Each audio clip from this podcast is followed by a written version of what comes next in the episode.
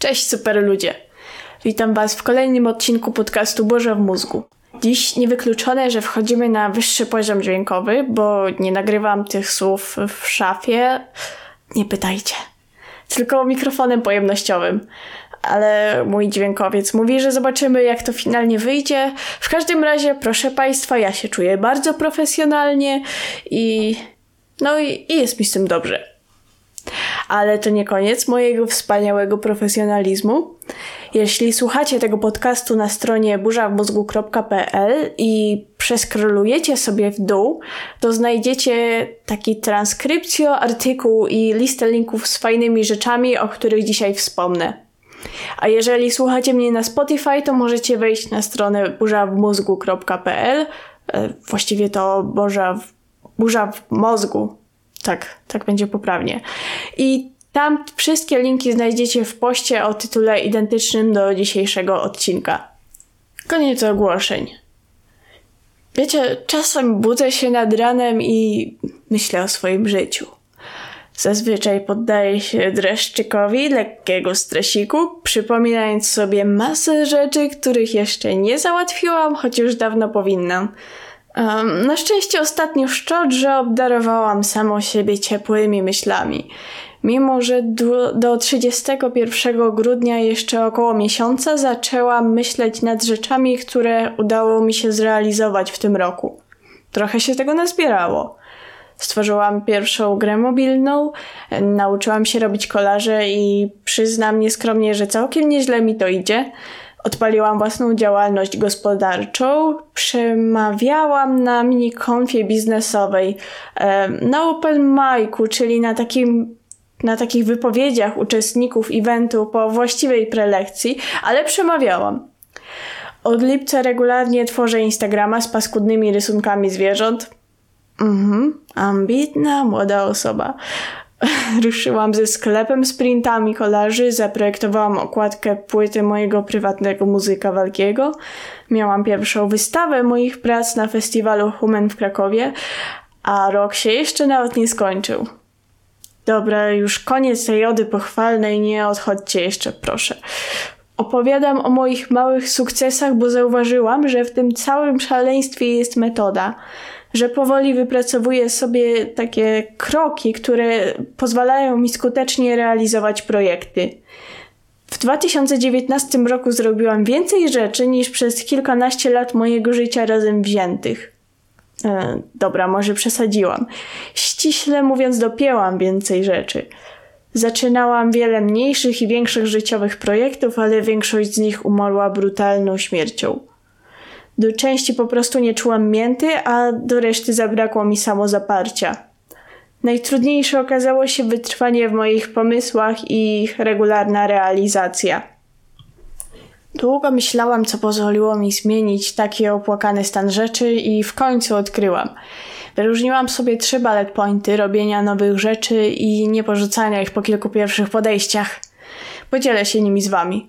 Ostrzegam, są łatwe tylko z pozoru, tak, wiem, niezbyt zachęcające, ale metody, które działają, najczęściej wymagają wysiłku, a rezultatów można się spodziewać w dłuższej perspektywie. Zanim ciężko sobie westchniemy nad trudami ziemskiego życia, mam dobrą wiadomość. Poniższe kroki bywają trudne w realizacji i wymagają przełamania barier w głowie, ale z każdym kolejnym przejściem przez nie robi się coraz łatwiej. Albo czasem nieco łatwiej po prostu, ale to też jest jakiś progres. Strach trochę odpuszcza, dyskomfort już nie gniecie tak mocno żołądka, a patrząc wstecz zauważyłam, ile udało się zrobić. I każdy wysiłek jest tego warty. Zupełnie jak uśmiech bąbelka. Dobra, przechodzimy do punktu pierwszego, czyli akceptacji. Na dobry początek zanurzmy się w odmęty umysłu. Przy większych projektach czuję straszny strach, słowa ślady i takie inne rzeczy przed wkroczeniem na nieznane mi dotąd tereny i szczerze się do tego przed sobą przyznaję. Nie uciekam, nie wypieram rzeczywistości albo nie zgrywam twardziela, którym niekoniecznie zawsze jestem, ale za to z otwartymi ramionami przyjmuję taką małą, wylęknioną siebie. Wiem, że strach to moja naturalna reakcja i nie jestem w tej reakcji sama, bo podobne emocje odczuła mnóstwo ludzi w podobnych sytuacjach. I najlepszą rzeczą, jaką mogę dla siebie zrobić, jest po prostu pogodzenie się z tym.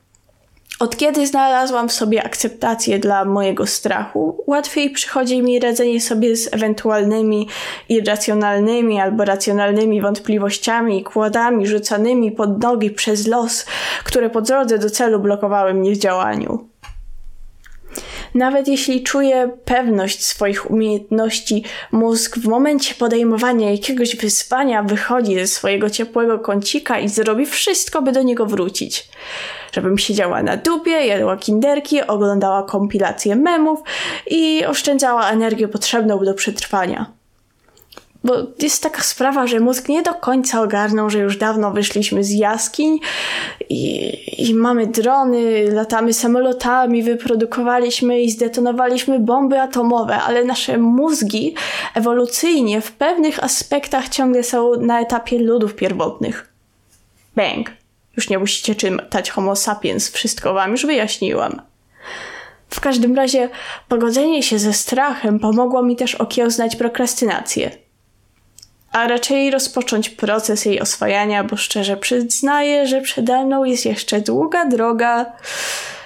Prokrastynacja jest właśnie skutkiem strachu przed podjęciem działania. Świadomie odkładamy wykonanie jakiegoś zadania w czasie, bo czujemy, że ono nas przerasta. Nie wiem jak wy, ale ja mam tak, że pół biedy jest, jeśli ktoś mi wyznaczy deadline. Prawdziwy problem pojawia się, gdy chciała, gdy chcę zrobić dla siebie coś ponadprogramowego, jakiś osobisty projekt, bo wtedy potrafię bić rekordy kreatywności w wymyślaniu wymówek, byle nie wykonać tego minimalnego wysiłku. Nie. Nie napiszę posta na bloga, bo mam do wypolerowania zaśniedziałą srebrną łyżkę po babci. Priorytety. Dobra, Wiem już, że często prokrastynuję, przyznaję się bez bicia i w tym momencie mogę zrobić z tym dwie rzeczy. Rzecz A. Ocierać łezki gorzkiego śmiechu przy memach o odwlekaniu w nieskończoność rzeczy, które bardzo chcę zrobić, ale prokrastynacja mnie blokuje, a moja potrzeba samorealizacji wyje z rozpaczy. Albo wziąć się do pracy nad prokrastynacją z wiedzą, że to nie będzie łatwe i przyjemne, ale ten wysiłek może zaowocować na dłuższą metę. Dla dobra swojego i waszego, ale jestem dobrodziejką. Jakiś czas temu wybrałam opcję B. No więc, jak sobie radzę z tą prokrastynacją? W tym momencie, gładko jak masło na rozgrzanej patelni, prześlizgujemy się do kolejnego punktu, czyli od ogółu do szczegółu. Weźmy na przykład, bo na przykładach się najlepiej tłumaczy rzeczy, coś takiego, do czego wszyscy możemy się odnieść. Coś, co jawi się jako straszliwe. Na przykład napisanie licencjatu. Widząc tak skomplikowane zadanie, od razu odechciała się wszystkiego. Hmm, a co powiesz na napisanie pół strony wstępnego draftu? Już nie brzmi tak strasznie, prawda? Wielkie zadania to nic innego jak zbiór małych tasków prowadzących do naszych małych celów, które składają się na jeden wielki cel. Jakie to piękne. A małe cele osiągane regularnie już nie są tak straszne i dają więcej satysfakcji. Zwłaszcza gdy są mocno sprecyzowane. Na przykład napiszę pół strony wstępu dziś do godziny 18. To zostało nawet udowodnione w badaniach prosto z Oxfordu i ciekawscy znajdą je w linkach do odcinka. E, według naukowców zarówno satysfakcja z pracy, jak i produktywność są znacznie wyższe, gdy podzielimy pracę na wiele mniejszych odcinków i zdefiniujemy nasze cele dokładnie. A zaczynając jakikolwiek projekt, moim pierwszym zadaniem jest rozbicie go na mniejsze kroki, tak jak już wspomniałam, a po drugie, kiedy już wiem, co muszę zrobić, żeby osiągnąć wymarzony efekt finalny, rozkładam zadanie na linii czasu. I w obu tych etapach bardzo pomaga mi aplikacja Todoist. Nie, to nie jest podcast sponsorowany. Todoist umożliwia mi tworzenie projektów i wpisywanie do nich niezbędnych zadań. Potem staram się w miarę realistycznie, bo, bo wiecie, kiedy planuję coś, jestem święcie przekonana, że każde zadanie zajmie mi 5 minut. I wiecie co? Zajmuje znacznie dłużej, niebywałe. I właśnie chcę w miarę realistycznie, pracuję nad tym, rozłożyć zadanie na najbliższy tydzień, bo korzystam z darmowej wersji aplikacji, a tydzień to maksymalny okres czasu, w którym możemy sobie rozplanowywać zadania. I w sumie mi, w sumie mi to wystarcza, bo jestem trochę takim dzieckiem chaosu i mam szalenie dynamiczne życie, więc takie dalsze planowanie nie ma dla mnie sensu. A jak potem wytrwać w działaniu? Panie i panowie, poznajcie deadline i procedurę. Tak, wiem, brzmiał trochę strasznie. Włos się jeży, kiedy wjeżdżają takie korpopodobne słowa. Kiedy zaczęłam zapoznawać się z nimi bliżej w pracy, właśnie taką reakcję we mnie wywo- wywoływały. Ale im głębiej w projekty, tym bardziej doceniałam wsparcie tych dwóch tworów. Nie wiem, jak je lepiej określić. Nie jestem najlepsza w teorii zarządzania. Nieważne, wracamy do tematu. Deadline, jaki jest, każdy widzi. Wpisanie sobie w kalendarz terminu ukończenia zadania pomaga się zdyscyplinować zgodnie z teorią zarządzania, której naturalnie znam tylko maleńki fragment. W każdym razie, kiedy nikt nie wyznacza deadline'u, mi, motywuję się do roboty ustalając go sobie sama. Ale uwaga, bo deadline przy moich własnych pobocznych projektach ma być pomocą, a nie powodem do kolejnego stresu. Jego realizacja nie jest kwestią życia i śmierci. Nieraz nie udało mi się zrealizować czegoś w terminie, albo przeze mnie, albo przez czynniki zewnętrzne. Wierzcie lub nie, świat się nie zawalił. Po takiej porażce zastanowiłam się, co w moich szacunkach poszło nie tak i po prostu wprowadzam stopniowo korekty. I z czasem i doświadczeniem ustalam, ustalam coraz dokładniejsze deadline'y. Dobra, temat deadline'ów mamy rozpracowany i teraz czas na procedury. Mam dla nich wiele ciepłych słów, choć jeśli nie miało się okazji ułatwić sobie pracy choć jedną taką procedurą, kojarzył się raczej negatywnie. Na przykład w filmach, kiedy tylko nudne albo jakieś budzące mordercze instynkty typu Joffrey postacie się do nich odwołują. Hasło takie są procedury zazwyczaj próbuje zrujnować misterne plany głównego bohatera. Na szczęście jest też jasna strona procedur. Przydają się szczególnie, kiedy wykonuje się powtarzalne zadania.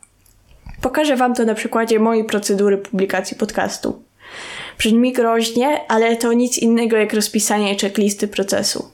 Po kolei lecę z pisaniem scenariusza, potem przekazuję scenariusz do review przez mojego zaufanego recenzenta, potem zabieram z powrotem tekst do korekty, nagrywam się, Y, przystosowuję tekst y, do tekst scenariusza do postbloga i dołączam do niego linki, o których wspomniałam w podcaście. Wrzucam kompletny odcinek do aplikacji Anchor, mojej ukochanej aplikacji podcastowej, przynajmniej na razie. Wrzucam y, wszystko na blog burzawbózgu.pl i potem już tylko powiadamiam Was o tym w socialach. I dzięki takiej automatyzacji nie martwię się, że zapomniałam puścić informacji o nowym odcinku na LinkedInie, bo każdy krok mam rozpisany. Wystarczy, że sprawdzę go sobie w procedurach. Dlatego warto je mieć pod ręką, na przykład w dodatkach lub w specjalnym dokumencie, do którego można sięgnąć w każdej chwili. O czym już nie mówią w filmach, to że nasze procedury są elastyczne. Mogę je modyfikować w zależności od moich potrzeb, albo gdy staną się po prostu nieskuteczne. Powtarzając dowolną z moich procedur, staram się przechodzić przez nie uważnie, żeby wyłapać ewentualne niedociągnięcia. Właściwie to przyklejając procedurę podcastu do tego scenariusza, dorzuciłam parę poprawek. W taki sposób z czasem powstaje super, u, super ultra niezawodna procedura, która wspiera moje projekty przez długi czas. Prawdziwy cud ewolucji. No dobra. Zbliżamy się powoli do końca, bo przed nami została ostatnia szybka optymalizacja robienia nowych rzeczy. Brzmi dream big, ale w granicach rozsądku. Czegokolwiek się podejmuje, na początku staram się mieć zdroworozsądkowe oczekiwania, żeby nie zrazić się, nie zrazić się do nowego projektu. Akceptuję, że na początku rezultaty mojej pracy będą najpewniej kiepskie. Kiedy stworzę coś do internetu, będą to oglądać tylko moi znajomi na początku. Ba, zacznę tak twardo, może nawet stąpać po ziemi niedługo, że powoli przekonam się może do tego, że nie zrobię tych 10 zadań, które nawciskałam sobie w jeden dzień. Kluczem do przetrwania tego okropnej, tej okropnej frazy pełnej mierności i wątpliwości, kiedy pozytywny komentarz napisze najwyżej mama, to po prostu być wytrwałym. A najłatwiej poradzić sobie z wytrwałość, z problemem, z brakiem wytrwałości, właśnie racjonalizacją. Rozbijanie dużych zadań na mniejsze, rozkładanie tych małych tasków na przestrzeni kilku tygodni, wyrozumiałość dla lęków i odrobina uporu. Wielokrotnie przekonywałam się, że działając w ten sposób mogę zajść daleko. A to dopiero początek. To już koniec naszego spotkania. Mam nadzieję, że jakiś aspekt moich szalenie zaawansowanych złotych metod pomoże Wam w realizacji jakiegoś swojego własnego planu. Jeśli ten odcinek Wam się podobał, subskrybujcie mnie na Spotify, żeby na pewno nie przegapić żadnego odcinka naszej wspólnej, epickiej podróży w świecie podcastów. Bądźmy ludzcy, trzymajmy się ciepło, jedzmy mandarynki z biedry, bo już są. No i cześć, miłego wieczoru, czy dnia, czy czegokolwiek. Pa!